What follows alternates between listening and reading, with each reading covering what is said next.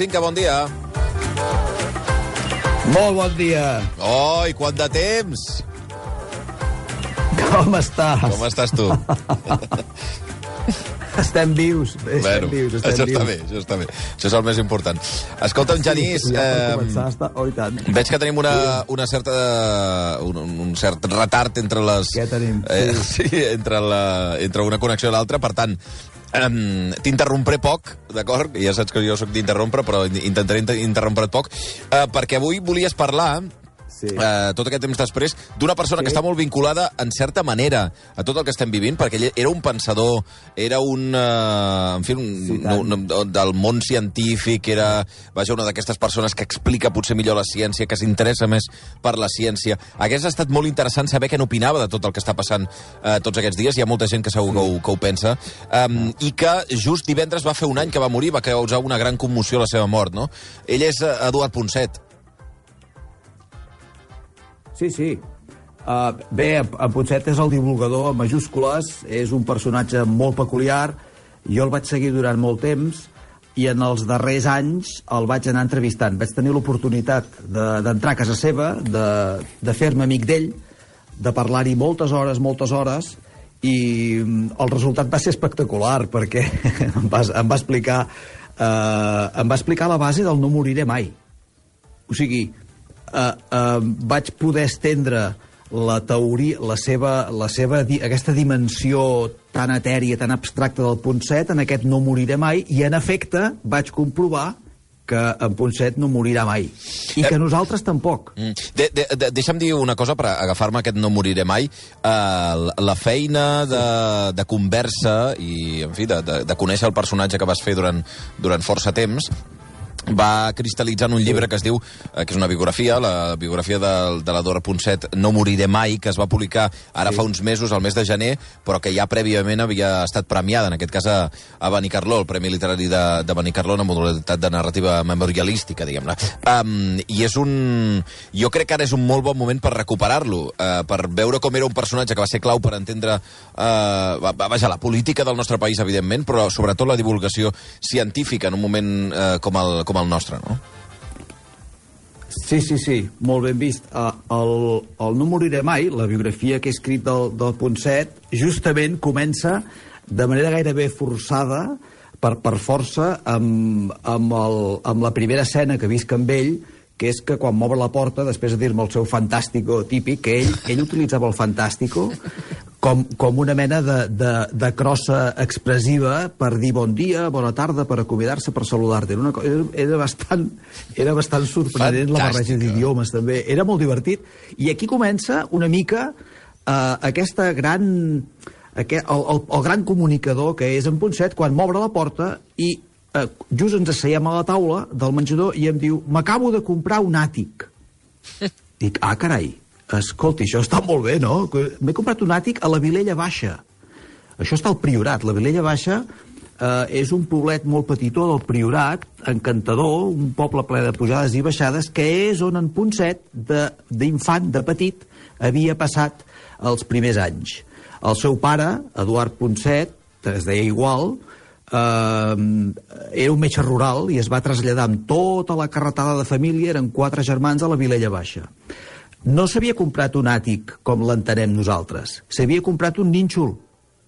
S'havia comprat un nínxol a dalt de tot d'una filera de nínxols al cementiri de la Vilella Baixa. Què dius ara? M'estava dient, m'estava començant a fer entendre que el seu no moriré mai es produiria quan tanqués el cercle de la seva vida i fos enterrat al lloc on ell va començar a ser conscient de tota la tasca de, de, de comunicació i de divulgació que havia de començar a fer, tot i no tenir ni idea del que faria després en televisió, eh?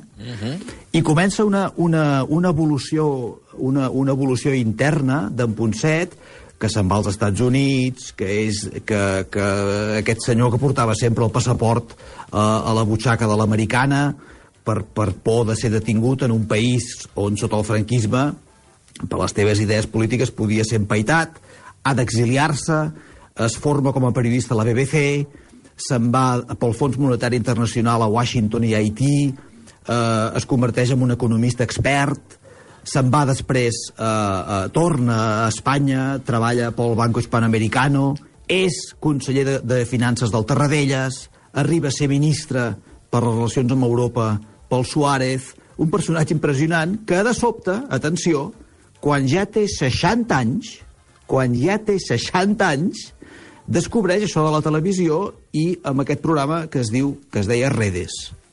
Amb 60 anys.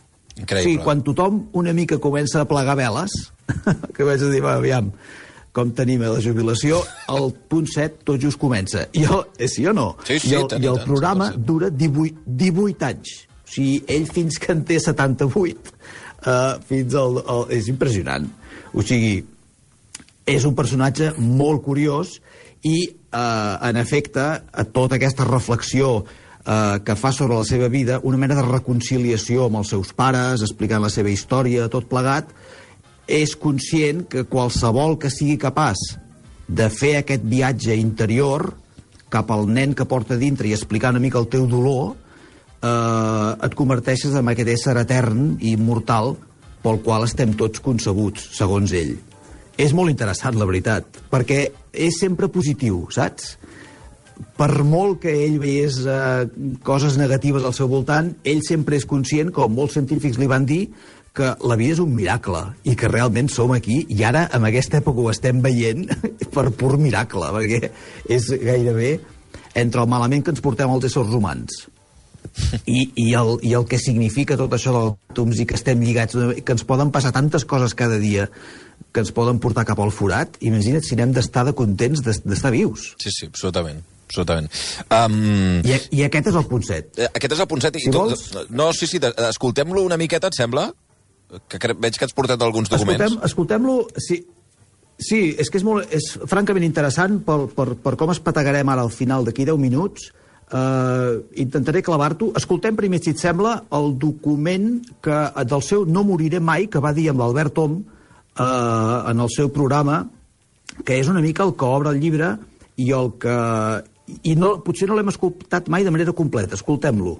Y els dic, oye, cuando uno se muere, ¿qué es, qué es lo que se muere? Perquè quan un es mor, què és, què és, què és el que es mor? Perquè estem fets d'àtoms, amb més d'un 90% són àtoms, i els àtoms, a tots els efectes pràctics, eh, no s'acaben mai, o sigui, són pràcticament eterns.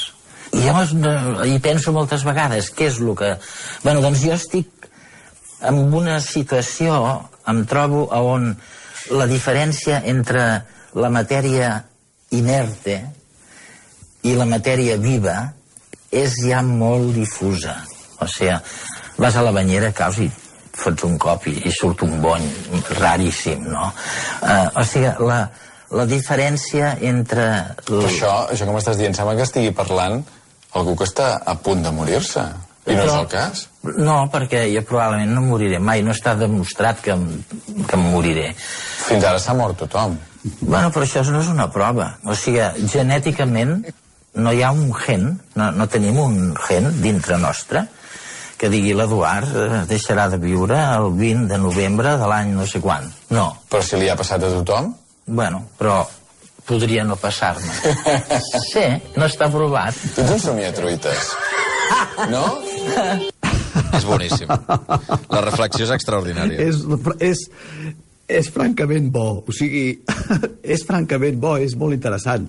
Després, és clar, jo anant repassant tots els redes que ell va fer, n'hi ha tres o quatre que són francament destacables. Uh, n'hi ha un en concret, que és el No me molestes mamá, estoy aprendiendo, del gran problema que tenim amb les criatures amb els videojocs. Uh -huh. uh, estem enganxats al mòbil, juguem tot el dia, tenim un gran problema aparent amb tot això. Doncs bé, va entrevistar un tal Marc Prensky, que és una mica el gran expert d'aquest tema dels videojocs, i aquest senyor li arriba a la conclusió del programa amb un gran enrenou que hi va haver en aquells redes, que això que els nens juguin als videojocs potser no és tan dolent, i que hi ha alguns jocs que són força constructius a l'hora de, de, de fer, en fi, educar la ment del nen. Mm. És, eh, clar, tots són trencar tòpics i, i, i fer que la ciència tingui una aplicació pràctica en el dia a dia. Però hi va haver un programa en especial que jo diria que és el gran programa estrella que, a més a més, en Ponset sempre destacava, que era un programa dedicat als taxistes de Londres. En aquest programa, on s'analitzava el treball de la Ellen Maguire, eh, l'Ellen Maguire, i ara ho escoltarem en boca d'en Ponset, en una conferència que va fer sobre la felicitat el 2012, atenció, eh, una, una conferència sobre la felicitat. Eh? Sí, sí. Això ja és molt Ponset, en què eh, aquesta senyora arriba a la conclusió que, mm, que els taxistes de Londres, una ciutat complicadíssima, desenvolupen una capacitat de memòria molt més àmplia que la nostra, que, que la nostra normal. Entenem per normal el nostre dia a dia. I, eh, si et sembla, escoltem això i analitzem després quina és la manera fantàstica de- d'en Ponset de desenvolupar el concepte que, que científic per fer-lo entenedor per tots nosaltres i la manera com ell ho explica i ho narra, que és el que el va fer precisament famós amb 60 anys. Escoltem l'àudio 3, Dani, i comencem a analitzar el tema. Los taxistas de Londres, sabéis que tienen miles de calles y tenían un examen que siempre era muy complicado para ser taxista, que ojalá lo tuvieran en Nueva York, por ejemplo. Pues en, en Londres se hace muy bien este examen y resulta que el experimento que se hizo fue analizar, tenían que aprender tal cantidad de nombres de calles, miles. Yo he vivido 12 años en Londres y, y Londres es una yuxtaposición, como sabéis, de pueblos innumerable y de calles infinitas. Bueno, pues resulta que les han medido el hipocampo. El hipocampo es un órgano cerebral sobre todo destinado a la memoria, me dicen mis amigos los neurólogos, y la parte dedicada a la memoria del espacio en los taxistas de Londres ha aumentado netamente. És boníssim. És, és, molt, és molt bo, per, sobretot no pel que he dit, perquè aleshores això és típicament Ponset. Ho, fa un plantejament en tres parts. Ara hem escoltat la primera, tot seguit escoltarem la segona, que és a on enganxa el públic que té davant. Ell sempre és conscient que és periodista, sempre és conscient que és divulgador, sempre és conscient que el coneixement que té del que està explicant és molt ampli i, per tant, juga molt bé eh, a l'hora d'enganxar de, de, a la gent, que és el que va fer el Ponset famosíssim. Escoltem el, seg el següent àudio. Que al final se dieron cuenta, sobre todo con el experimento de los taxistas, que es verdad que una experiencia individual puede incidir, incide sobre la estructura misma del cerebro. De manera que por primera vez en la historia de la evolución sabemos que es posible cambiar. Oye, es impresionante. Sí. La gente, la gente no, no aceptaba hasta ahora que se puede cambiar. Que bo. Esclar, aquesta, aquest, aquest és, eh, de tots els redes que ell va fer, aquest és el que amb ell més l'impactava perquè per primera vegada algú li deia que efectivament l'ésser humà no és un fet que comença i s'acaba sempre amb les mateixes idees, no. El cervell té capacitat de modificar-se i d'establir noves connexions que et farà canviar com a ésser humà. Clar, això és un canvi científic impressionant i aleshores eh, ell, quan es fa el sorprès, és quan lliga amb el públic. Escolta'm, hi havia un altre programa on s'analitzava la, la figura d'un d'un psicòleg que era un senyor que estudiava els suïcidis. Uh -huh. I hi havia un hotel Hilton als Estats Units on s'hi produïen molts suïcidis a través de, eh, en fi, per, pel, pel cel obert de, de, de l'interior d'aquest hotel i el Ponset acompanya aquest científic a veure què s'hi pot fer. Pugen a dalt de tot i el científic s'acosta a l'abisme d'aquest cel obert i els hi dona la solució. I, els I realment és una solució que va funcionar, perquè després mai més ningú s'ha suïcidat en aquest Hilton. I saps què li va dir? No. I el Ponset ho explica i diu, bueno, pongan una barandilla aquí, posin una barana. Aquí ja veurà com psicològicament, psicològicament, el, el, el, el suïcida té una barrera, té una barrera al cap que és física davant seu que fa que es freni a l'hora de tirar de llançar-se al buit. És, fant és fantàstic, sí o no? Sí, boníssim. I aleshores eh, acabem... Eh, Remetem-ho remetem als taxistes de Londres Sí. perquè és la, part, és la part important i el per què parlem d'en Ponset i el per què tenia aquest ganxo amb la gent. Escoltem l'àudio 5 i ho entendrem perfectament. Incluso eh, habíamos estudiado un tema que llamamos las disonancias cerebrales, que es que cuando yo le digo algo a alguien que no le gusta, que no va con lo que piensa él, no solo se hace el tonto, sino que sus circuitos cerebrales ante la disonancia llegan a inhibirse totalmente, de manera que no lo oye. Això t'ha passat, no? Estàs parlant amb algú i dius, no, és que això és no, i quan és no, és no. I tu li dius, però, sí, home, però, a veure un moment. Ell explica la- l'experiència amb, amb una de les seves netes i li diu que la seva neta, un estiu, l'acusava de robar-li els gels de l'aigua. Ahà. els glaçons. Sí. I el, i, el, i, el, I el Ponset li diu, a veure, Alexia, aquesta era l'Alexia, diu, escolta'm una cosa, és que el gel eh, eh, de, es canvia els seus àtoms, allò que imagina el Ponset, no, està canviant, eh? i es converteix en aigua. No, no, te'ls estic robant, no te'ls estic robant. És perquè tens poc coneixement tens poc coneixement d'aquest entorn de la capacitat de transformació de l'aigua. és una cosa... Esclar, uh, el Ponset és un personatge que no te l'acabes mai. Uh, jo aquí he intentat resumir el personatge, he fet un extracte dels millors dels millors moments i, de, i, de, i dels grans... I té conceptes molt poderosos, eh? Però hi ha, sobretot, hi ha un trosset que a mi em té el cor robat, que és quan l'Eduard Ponset és en aquesta mateixa conferència. Qualsevol pot anar al YouTube a buscar-ho, això, eh? està tot penjat. Um, extreu un moment absolutament fabulós quan diu que efectivament estem vivint Dani, és l'àudio número 6, uh, un momento fabuloso. Escolta bé què passa perquè entendràs tot Ponset. Quiero decir que es un momento fabuloso. Es un momento fabuloso. Yo el otro día, vamos, hace, hace algún tiempo estaba hablando con, Dan- eh, con el Conan Goldberg, que es un, un judío ah, psiquiatra norteamericano, amigo, muy amigo, y él ha escrito un libro sobre la sabiduría en el que sostiene que con la edad eres más feliz. Y no me extraña nada, porque, claro, quiero decirte, hombre, con la edad hay dos cosas que son rabiosamente injuriosas, ¿no? Una es que te cuesta más entrar y salir del coche. Eso, eso, eso la edad, ah, y la segunda se me ha olvidado. Pero